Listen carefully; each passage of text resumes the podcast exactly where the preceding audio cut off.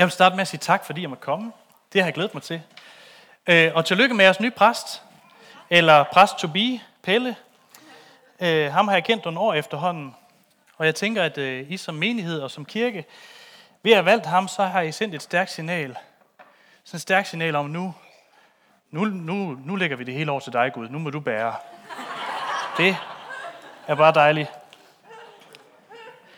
Temaet i dag, det er, at øh, i er en udvalgt slægt. Og der er noget rart i den sætning. Der er noget skønt i det. I er en udvalgt slægt. Jeg har valgt jer. I er valgt. Og det at blive valgt, det fylder meget for os.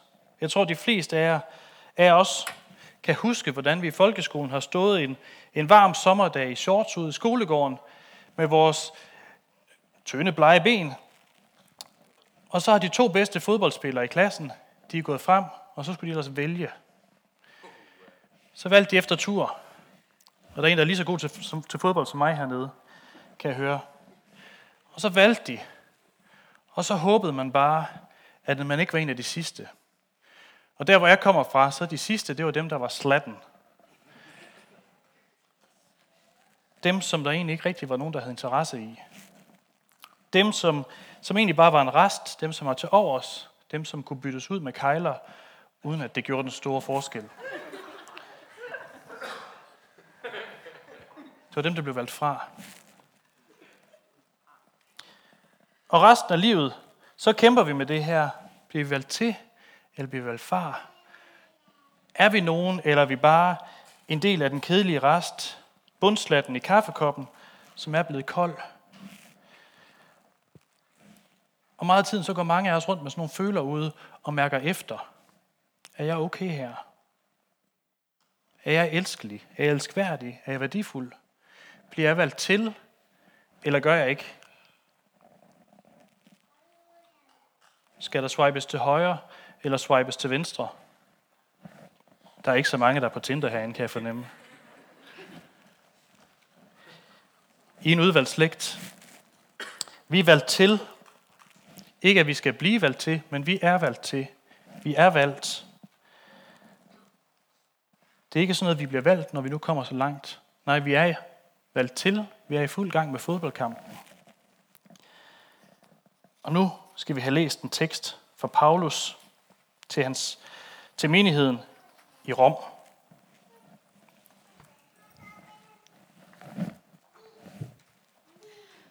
Vi ved, at alt virker sammen til gode for dem, der elsker Gud, og som efter hans beslutning er kaldet.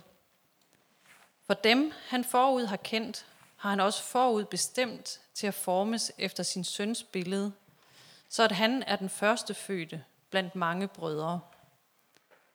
Og dem, som han forud har bestemt, har han også kaldet. Og dem, han har kaldet, har han også gjort retfærdige. Og dem, han har gjort retfærdige, har han også herligt gjort. Hvad er der mere at sige? Er Gud for os? Hvem kan da være imod os? Han, som ikke sparede sin egen søn, men gav ham hen for os alle, vil han ikke med ham skænke os alt? Hvem vil anklage Guds udvalgte? Gud gør retfærdig. Hvem vil fordømme? Kristus Jesus er død, ja endnu mere, han er opstået og sidder ved Guds højre hånd og går i forbøn for os. Hvem kan skille os fra Kristi kærlighed? Nød eller angst, forfølgelse, sult eller nøgenhed, fare eller svær, som der står skrevet, på grund af dig dræbes vi dagen lang, vi regnes for slagte for. Men i alt dette mere end sejrer vi ved ham, som har elsket os. For jeg er vidst på, at hverken død eller liv, eller engle eller magter, eller noget nuværende eller noget kommende, eller kræfter eller noget i det høje eller i det dybe, eller nogen anden skabning kan skille os fra Guds kærlighed i Kristus Jesus, vor Herre.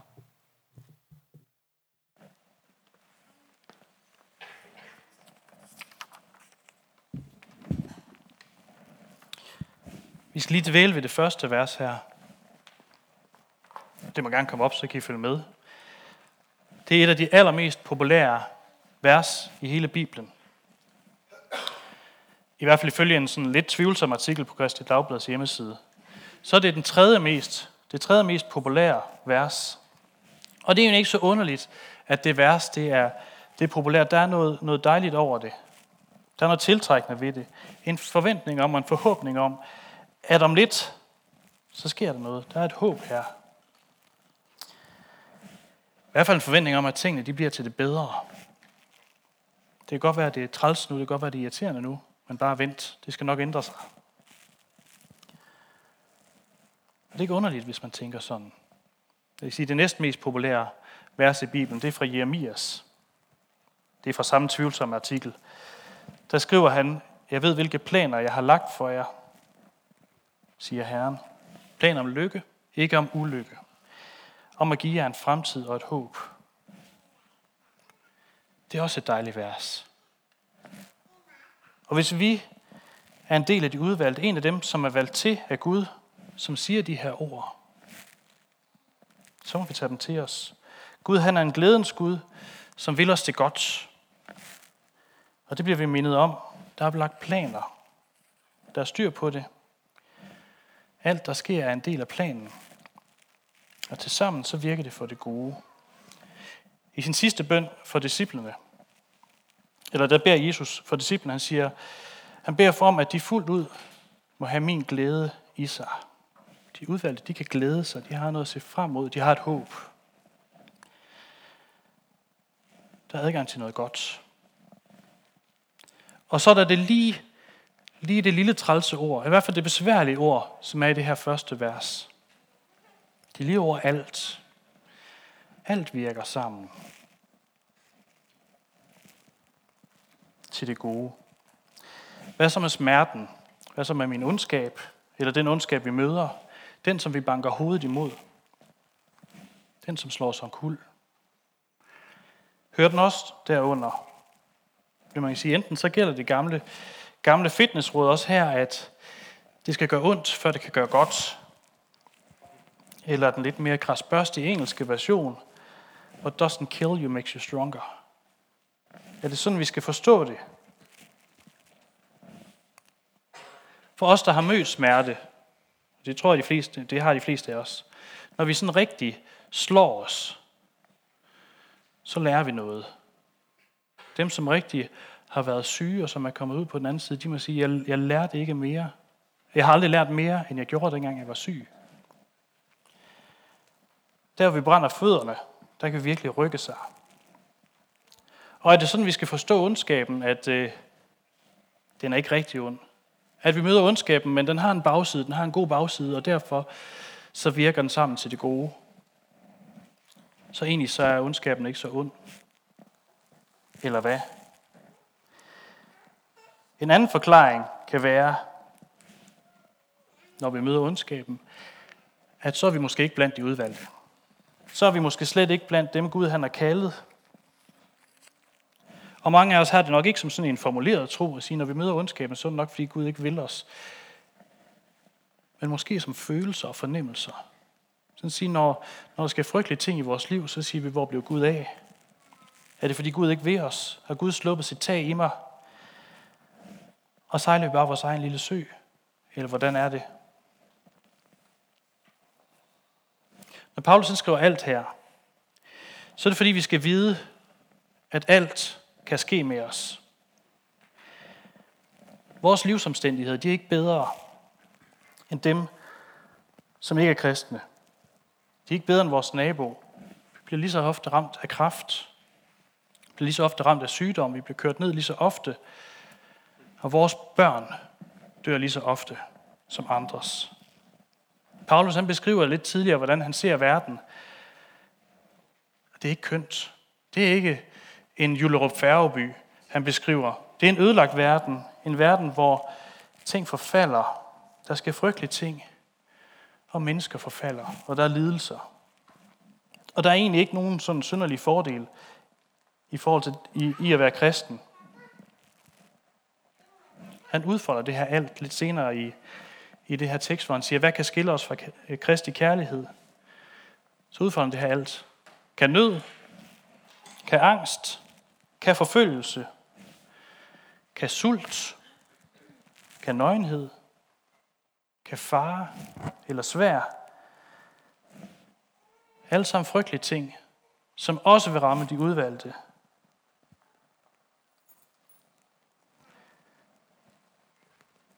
Nyhedsverden øh, Gertrud Højlund, hun øh, blev interviewet her for ikke så lang tid siden.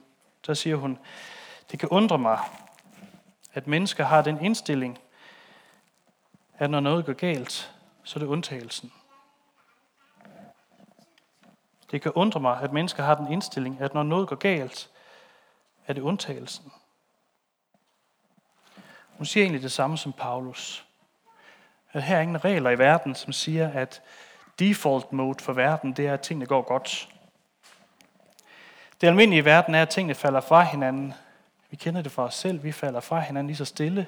Vores hud bliver løsere og løsere, og ryggen den hænger mere og mere. At vi tror noget andet, det er egentlig sådan en lidt sentimental idé. Og den tror jeg, vi kan holde fast i ret længe, særligt her i Danmark. Men vi skal ikke ret langt ud i verden for at erfare, at det er anderledes. Vi må komme dertil, hvor vi siger, at hvis vi har et godt helbred, så skyldes det ikke verden. Skyldes det ikke den default mode, verden er i. Nej, så skyldes det, at Gud han holder hånden under os.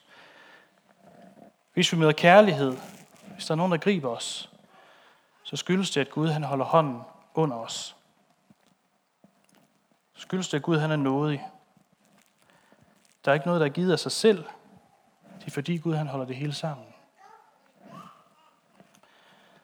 Altså når vi møder smerte i vores liv, så skal vi ikke blive overrasket. Det er det, Paulus også skriver. Vi skal ikke blive overrasket. Det kommer. Så kommer smerte. Men det er ikke, fordi Gud han har forladt huset. For ikke så længe siden, der var en øh, DR-serie, som hedder Kunsten at miste. Det var journalist Esben Kær, der har lavet den.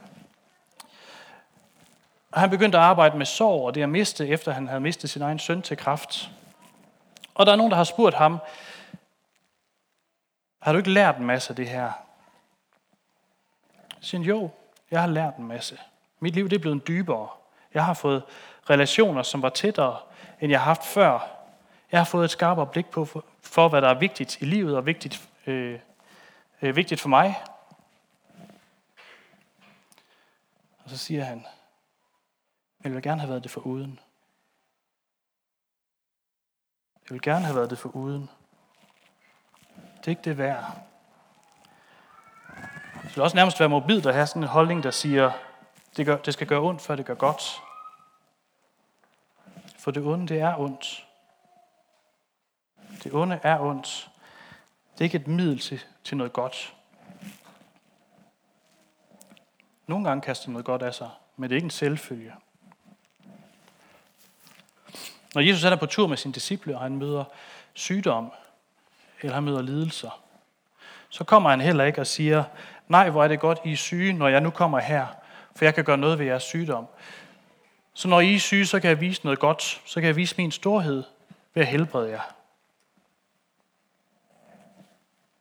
Nej, når han ser på ondskaben, når han ser på sygdom, når han ser på død, så vender det sig i ham. Så får han medynk med dem, der lider. Han græder over, at Lazarus han er død. At han så kan vise sin storhed, det ændrer ikke på, at det onde det er ondt.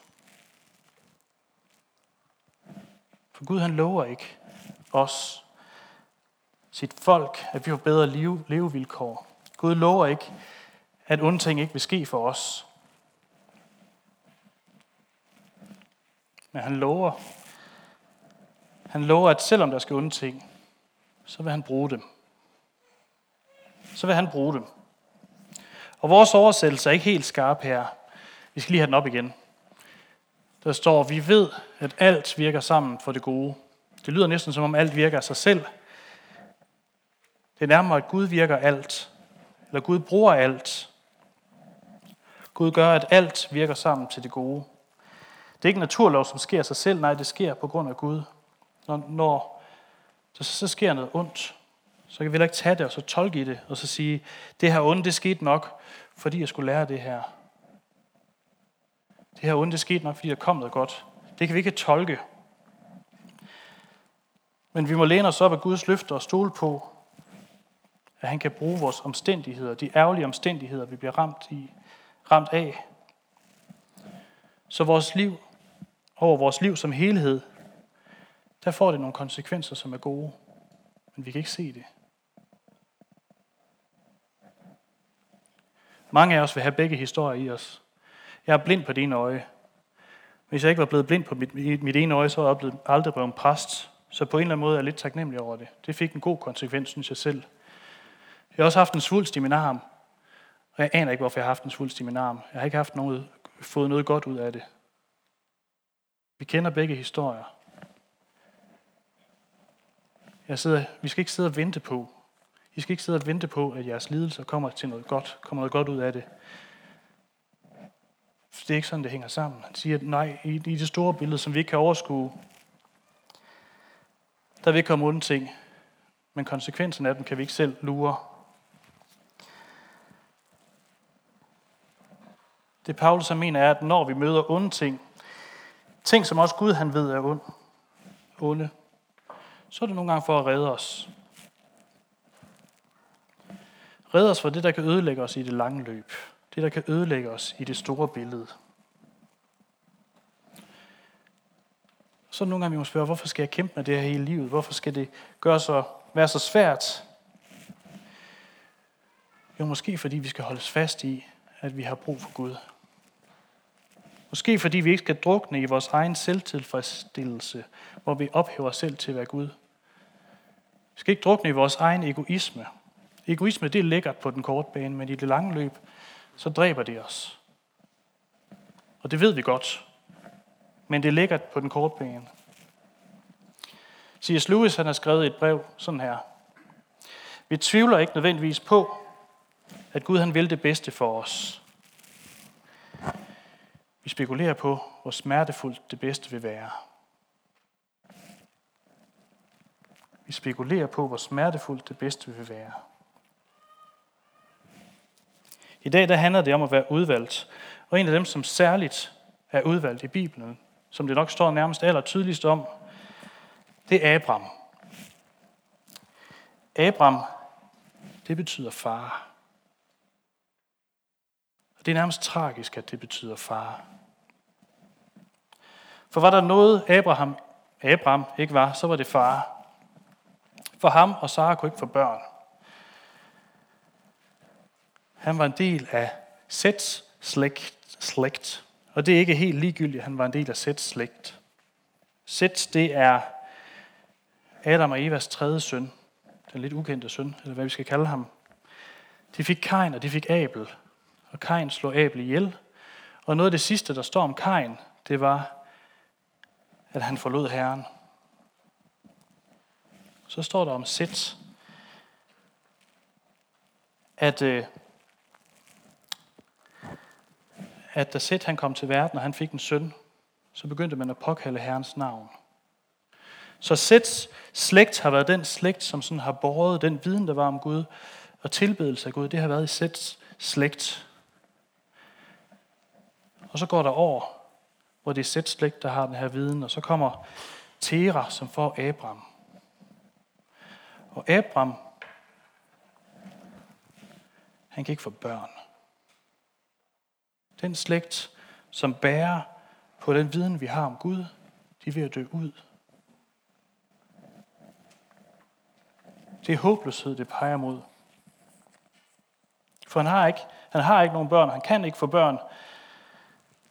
Slægten er ved at dø ud, kendskabet til Gud er ved at dø ud. TV-verden Pelle Venegård, som nogle af jer vil kende fra dagens mand, dem af jer, der har en lige så dårlig smag for tv som mig. Han skriver om, i en ny bog her, han skriver om, at ham og hans kone de har kæmpet med at få børn. Og det har været fertilitetsbehandling efter fertilitetsbehandling. Nederlag efter nederlag. Og så skriver Pelle, at meningen med hans liv, det har han egentlig altid været klar over, det var at blive far.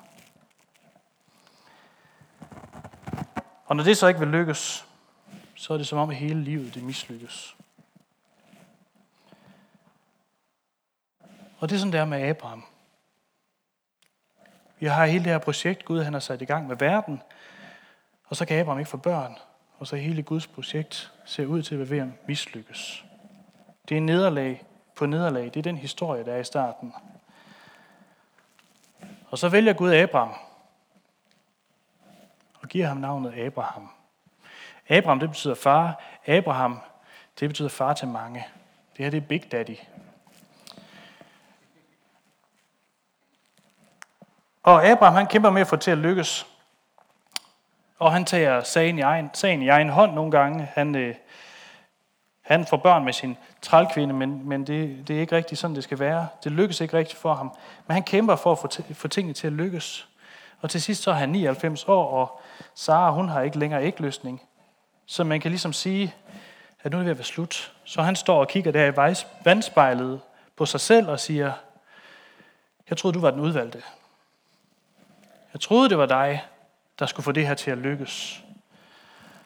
I thought you were the chosen one. Så griber Gud ind. Når Gud han udvælger, så er det ham, der fører sine planer igennem. Så er det ham, der sørger for, at tingene sker. Hos Abraham der er det ekstremt tydeligt. Abraham han kunne ikke få børn, Sara kunne ikke få børn, men Gud kunne gøre, at de fik børn, dengang de blev valgt. Og vi kan nok ikke se det, mens det står på. Det er Guds løfte til ham, der fører det igennem. Abraham han skulle gå 99 år. Og lidt mere, før han fik et barn. Alt virker sammen til det gode for den, som elsker Gud. Hvad er så det gode, det som alting det arbejder hen imod, som Paulus skriver?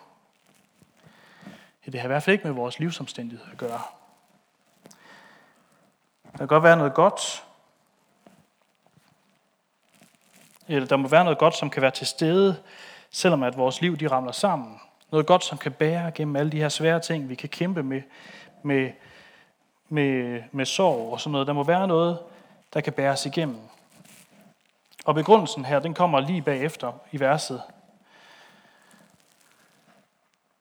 For dem, han forud har kendt, har han også forudbestemt til at formes efter sin søns billede. Så han er den første fødte blandt mange brødre. Og ham, som han forud har bestemt, har han også kaldet. Og dem, han har kaldet, har han også gjort retfærdige, og dem, han har gjort retfærdige, har han også herliggjort. Dem, han forud har bestemt, dem, han forud har kendt. Det kommer to gange. Det, som allerede er sket. Der er noget, som ligger fast, at vi er udvalgt. Det ligger fast. Paulus kommer ikke med en forklaring over det her, hvem det er, der er forudbestemt. Her der kommer det som noget, som et udtryk for noget, vi skal kunne hvile i. At vi allerede er valgt til. Det ligger fast. Vi er valgt til. Sådan er det med forudbestemmelsen. Det kan vi ikke gøre noget ved. Og det Paulus er med frem til, det er, at Guds løfter, de er urokkelige. Det er som at beskrives, det kan beskrives i datid, for alt det, der er sket, det er ligesom fast, det kan vi ikke rykke om på. Sådan er det med Guds løfter. Og det, der ikke kan ændres på her, det er, at vi vil blive formet i Guds billede. Vi vil blive formet i Guds billede. Gud han lover, at vi vil blive modelleret. Vi vil blive ændret, så vi kommer til at ligne Jesus. Han lover, at han vil ændre os hele vejen igennem. Det gode, som Gud han lover os. Det gode, som Gud han siger, han arbejder hen mod med alt, der sker i vores liv. Det er, at vi kommer til at ligne Jesus. At det gode og det onde, det er en transformationsproces, der er i gang. Det er allerede bestemt. Derfor hedder det ikke bare, at vi, vi er kaldet. Derfor hedder det ikke bare, at vi er retfærdiggjort. Det hedder også, at vi er allerede herliggjort. Det er allerede sket med os. Det bliver beskrevet i datid, fordi det er så sikkert. At sådan her vil det blive. Det er fikset, det kan ikke ændres. Gud vil gøre, at vi bliver ligesom Jesus. Så når vi hører om Jesus og hans karakter og tænker, det her det er en mand, man godt kan se op til, så er vi forudbestemt til at skulle, skulle ligne ham. Det ligger fast, det er fikset. Vi er en del af Guds udvalgte slægt. Og vi skal blive som brødre, som sønner af Gud. Når Paulus han skriver sønner, så skriver han ikke døtre her. Det er fordi, han er vokset op i en kultur, hvor øh, det er en patriarkalsk kultur. Her er det sønderne, der er de vigtige. Og døtrene, de er andenklasses børn. Og det, og det er trist, det var sådan, men det var sådan, det var. Og når han skriver sønder, så er det for, at vi alle sammen skal vide, at vi er som de første fødte. Vi er de vigtigste. Vi er alle dem. Vi skal ikke være dem, som øh, børn, kvinder, som har været børn i sådan en kultur, de vil sige, øh, vi var to søstre og en bror, og det var broren, der fik det store værelse. Det var ham, der fik flest lommepenge. Det var ham, der fik det pæneste tøj. Gennem hele mit liv var det ham, der blev forfordelt. Og hver gang vi havde besøg, så sagde de altid, se hvor fin en søn jeg har.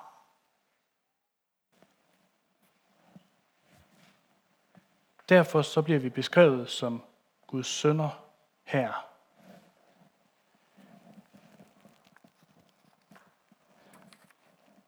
Og det kan godt være, at det er lidt svært for kvinder og tænke om sig selv som en søn. Men det er det, vi skal her. Vi, men vi har det også lidt svært, når, når Jesus han siger, at, at øh, vi skal være kristi brud. Så vi har hver vores at kæmpe med der.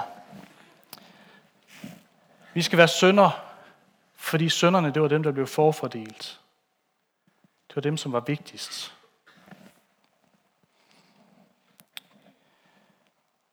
Vi er Guds udvalgte slægt, at være Guds sønner, det betyder, at vi er elsket lige så meget, som Jesus han er elsket. Vi er æret lige så meget, som han er æret. Ligegyldigt hvilke omstændigheder vi lever under. Hver eneste af os. Vi får noget, som ingen kan tage fra os, fordi det allerede er sket. Fordi det er så sikkert, så er det allerede sket.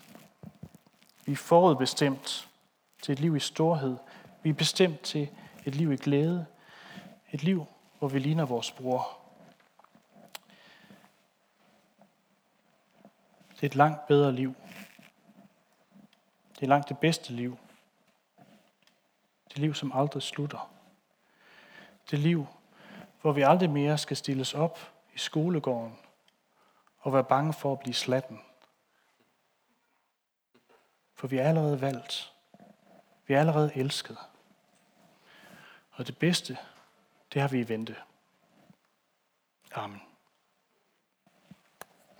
Vi skal bede. Kære far, når vi møder ondt, og når vi møder godt,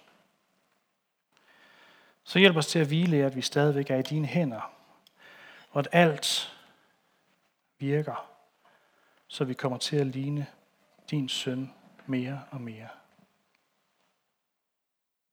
Hjælp os til at hvile i, at dine løfter de er så faste, at de er, som de allerede var sket. At det er fikset.